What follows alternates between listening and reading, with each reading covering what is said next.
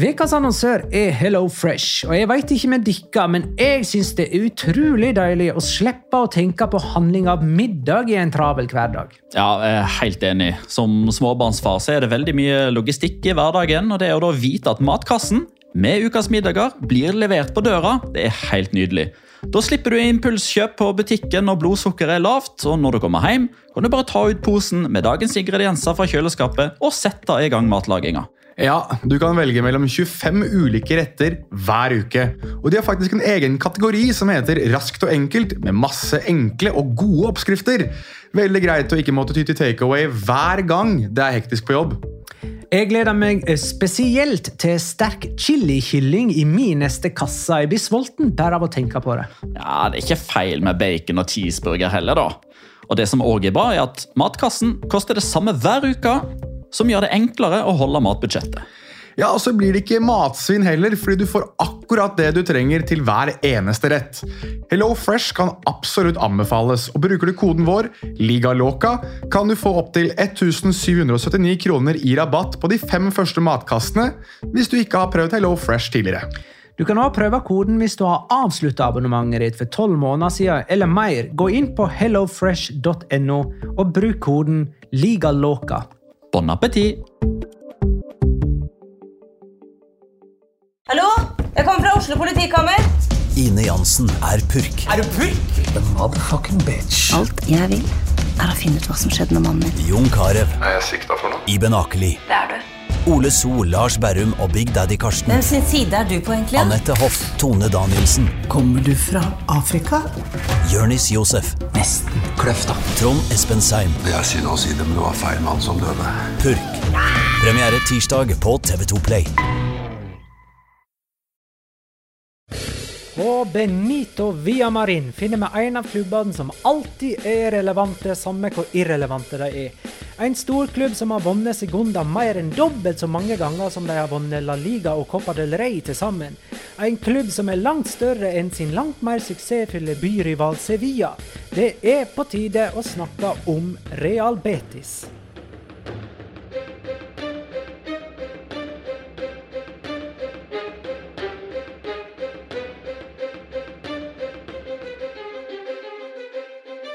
Jau da, dette er La Liga Loca sin 14. av 20 spesialepisoder, der den kommende La Liga-sesongens lag blir gjennomgått episode for episode nå.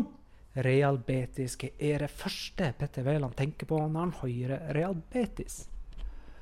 Eh, det er faktisk Alexander Skau. For han er Betis-supporter, og han har ved gjentatte anledninger eh, fortalt hvor fantastisk irriterende, frustrerende deilig det er å holde med Betis, som er nesten definisjonen på en kaosklubb. Kan det gå gærent, så kan du være sikker på at det går gærent, og går det bra, så går det ikke så bra likevel.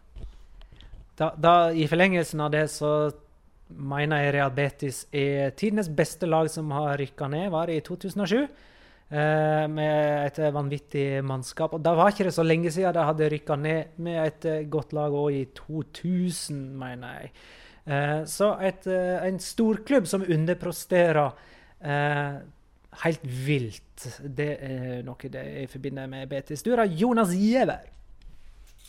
Sovende gigant. Og du er jo litt inne på det med disse her nedrykkene som har vært ganske vanvittige. Men, men hvis du tenker på Betis som størrelse på klubben, på stadion, på hva det betyr å spille for Betis og være en del av det, så Ja, nei, det er noe av det største i, i spansk fotball. Det, det er, her er jo litt oppbrukt, og det er jo litt sånn flåst å si, men jeg tror ikke alle vet hvor store den klubben egentlig er.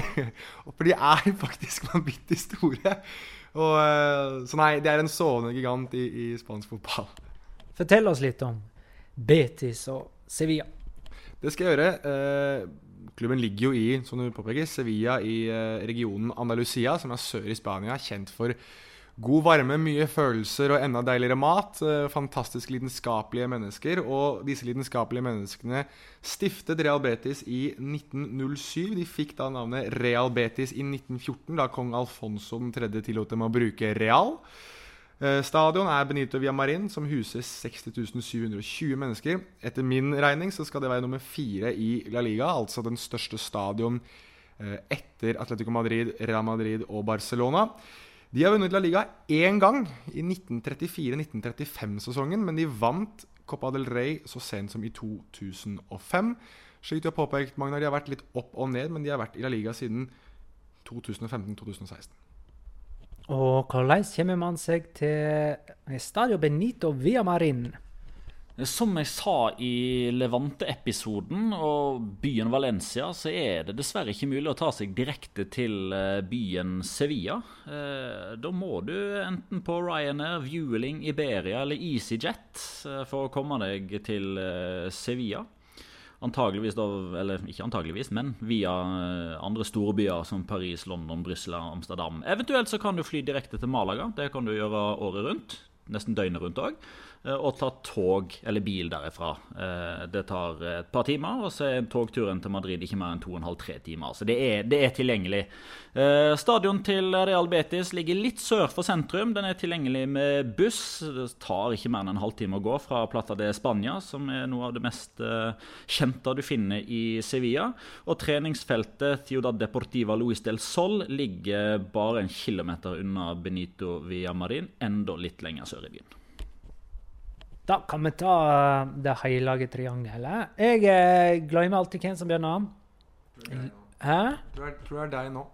Jeg eh, mener jeg var ganske tidlig ute på Osasona-runden, så jeg sier at det er Petter som begynner nå. Og da skal vi til en uh, fyr som lå an til å bli en what could have been, en klubbnomade som var uh, i mange forskjellige klubber i begynnelsen av sin karriere, som aldri helt fikk det til. Og så kom han til Real Betis, og så ble det en smeltediger full av skåringer. 147 i tallet. Det er 57 mer enn nestemann på lista. Det forteller egentlig to saker. Det forteller én at denne spissen her er fryktelig, fryktelig god. Men det forteller òg den historien om at Betis har vært veldig mye opp og ned eh, når mest nest mestskårende i klubben har 90 mål. Det er kun én mann som har skåra mer enn 100 mål for klubben gjennom tidene. Det forteller at det var veldig mye utskiftninger. Og mannen vi skal fram til, er jo naturligvis Ruben Castro, som er så eh, god at han får sin legendekamp som aktiv. Betis og Las Palmas, eh, som han spiller for nå, skal faktisk da møtes i en kamp som har blitt titulert som La Leyenda del 24.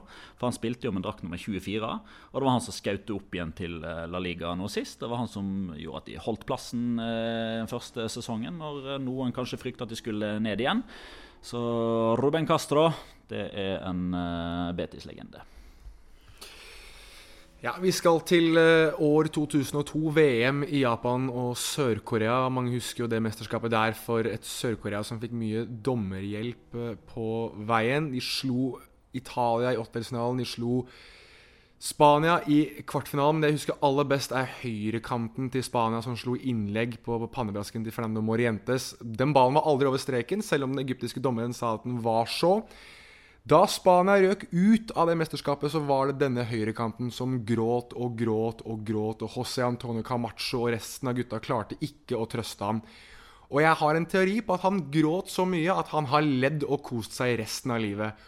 Joaquin er mannen vi skal fram til i Betis. Dette er, eh, Vi kan snakke mye og lenge om hvor mye han har betydd for klubben. og Det er et par Google-søk du kan eh, gjøre for å finne mer om det, synes jeg. Jeg vil heller fortelle om eh, hvor glad man blir av å se Joaquim, som er nærmere 40 enn han er 30. Han ler og smiler og koser seg og virker som han tar livet med den skjønneste ro. Han eh, Jeg har sagt at eh, mitt mål i livet er å kunne være like lykkelig som det Joaquin virker å være. Fordi er det en mann som alltid minner deg på hvor gøy livet egentlig burde være, og hvor lite seriøst man burde ta ting, ja, så er det en mann som velger å bleke håret sitt platinablondt i en alder av hva da, 7-38 og sitter oppe klokka tre på natta og snakker om at han ikke får sove og heller forteller vitser på såpass slarvete andalusisk spansk at du bare ler av å høre han, selv om du kanskje ikke skjønner en dritt av hva han sier uansett. Joaquin er eh, grunn alene til å forelske seg i de grønne og hvite fra Sevilla. Joaquin er grunn alene til å elske det som er fotball. Um, jeg skal til det som uh, den gang var tidenes dyreste spiller, kjøpt av Real Betis. Han som hadde målgivende pasning for Brasil mot Norge i VM 1998, nemlig Den Nilsson, kjøpte Real Betis den sommeren for 200 millioner kroner, som altså var verdensrekord den gangen. Eh, I sin første sesong skåra han to mål, og Betis ble nummer 11. I hans andre sesong rykka de ned. Første halvdel av den sesongen var han utlånt til Flamingo, men kom tilbake i andre halvdel. Og 200-millionersmannen spilte med andre ord sekundadivisjon, men bidro i det minste til opprykket da. I 04-05-sesongen eh, eh, ble Betis nummer fire, men da var Den Nilsson bare stallfyll. Det der er litt Betis i et nøtteskall, er ikke det det? det? Det var altså en sånn lang periode der de fikk så lite ut av så bra spillermaterial. Jeg må, få sagt det om De Nilsson, kongen av overstegsfinta. Han kunne kjøre 113 overstegsfinter uten å bevege seg en centimeter framover i banen. Det var like gøy å se på hver eneste gang. Og han er jo da den dyreste spilleren BTS har kjøpt gjennom eh, tidene. Men de begynner jo å få såpass eh, god kontroll på økonomien nå at eh, bare de siste to årene så har jo Mark Bartra inntatt femteplassen. Diego Leines har tatt fjerdeplassen. William Carvalho tredjeplassen. Og Giovanni Lo Celso har tatt andreplassen. Og skal man tro ryktene, så kan det hende at når denne podkasten treffer øregangen til deg, kjære lytter, så har Nabil Fekir overtatt den andreplassen, skal man tro ryktene. Og da er vi inne på dagens situasjon. For det at eh, de har ikke lenger Kikki sett igjen. Og da føler jeg at en del av Real Betis sin identitet er vekke. Eh, Pga. hans eh, filosofi. De har henta Rubira fra Español. Jeg vet ikke eh, Jeg forventer ikke noe av det samme, rent sånn fotballfilosofisk i alle fall. Nei, det gjør jeg ikke, jeg heller. Og jeg tenkte at da Español ble nummer sju forrige sesong, så tenkte jeg yes, det er så bra. Endelig så får Rubi vært et sted mer enn én en sesong.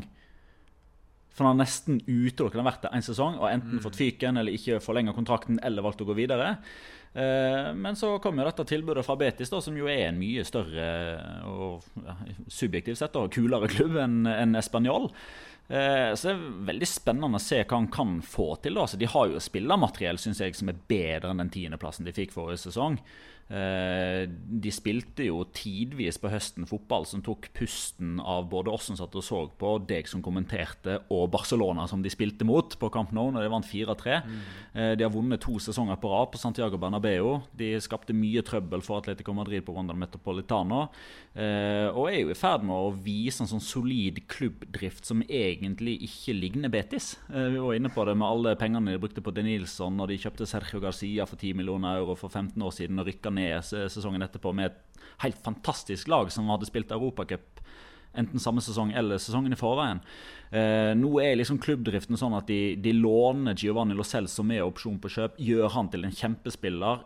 Kjøper han permanent, selger antageligvis videre til Tottenham, henter inn Nabil Fikir som erstatter og går 40 millioner euro i pluss. Det, altså, Hva skjedde med Betis?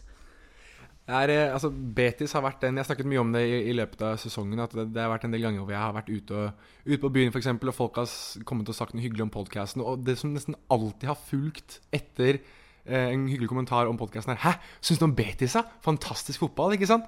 Og så har det vært, en, har det vært en, et samtaleemne. Og eh, jeg er litt usikker på om vi får det samme denne sesongen her med, med Rubi. Jeg synes eh, Spanjol var imponerende under ham, men åpenbart ikke like morsomme, like frispillende, like hva skal jeg si for noe, balldominante som det laget til Kikki Kiki har vært. Og det synes jeg er litt trist at vi ikke får se mer av.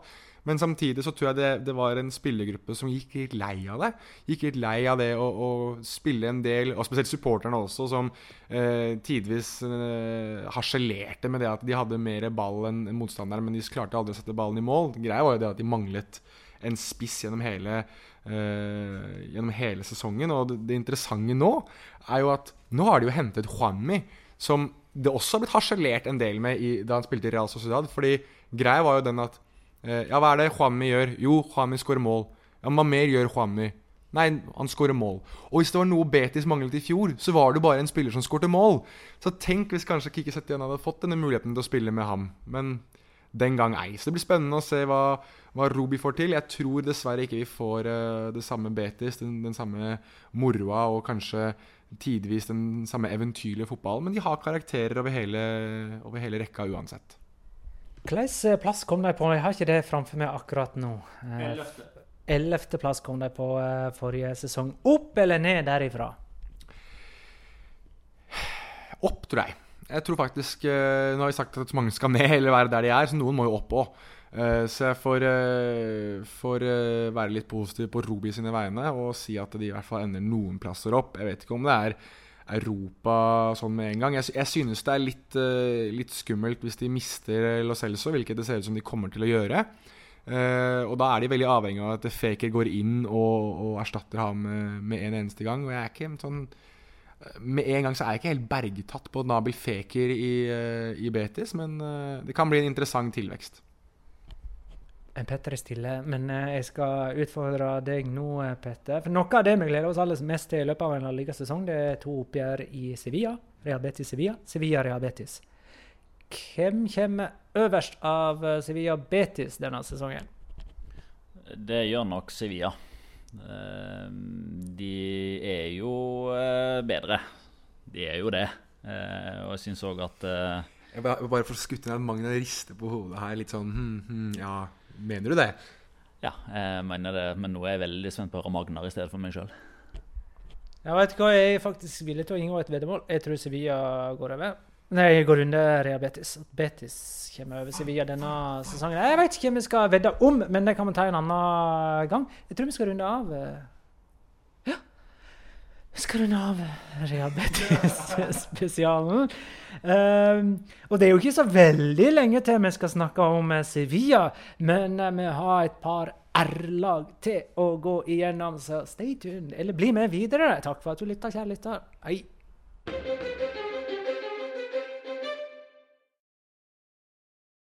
Har du et enkeltpersonforetak eller en liten bedrift? Da er du sikkert lei av å høre meg snakke om hvor enkelt det er med kvitteringer og bilag i fiken, så vi eh, gir oss her, vi. Fordi vi liker enkelt. Fiken superenkelt regnskap.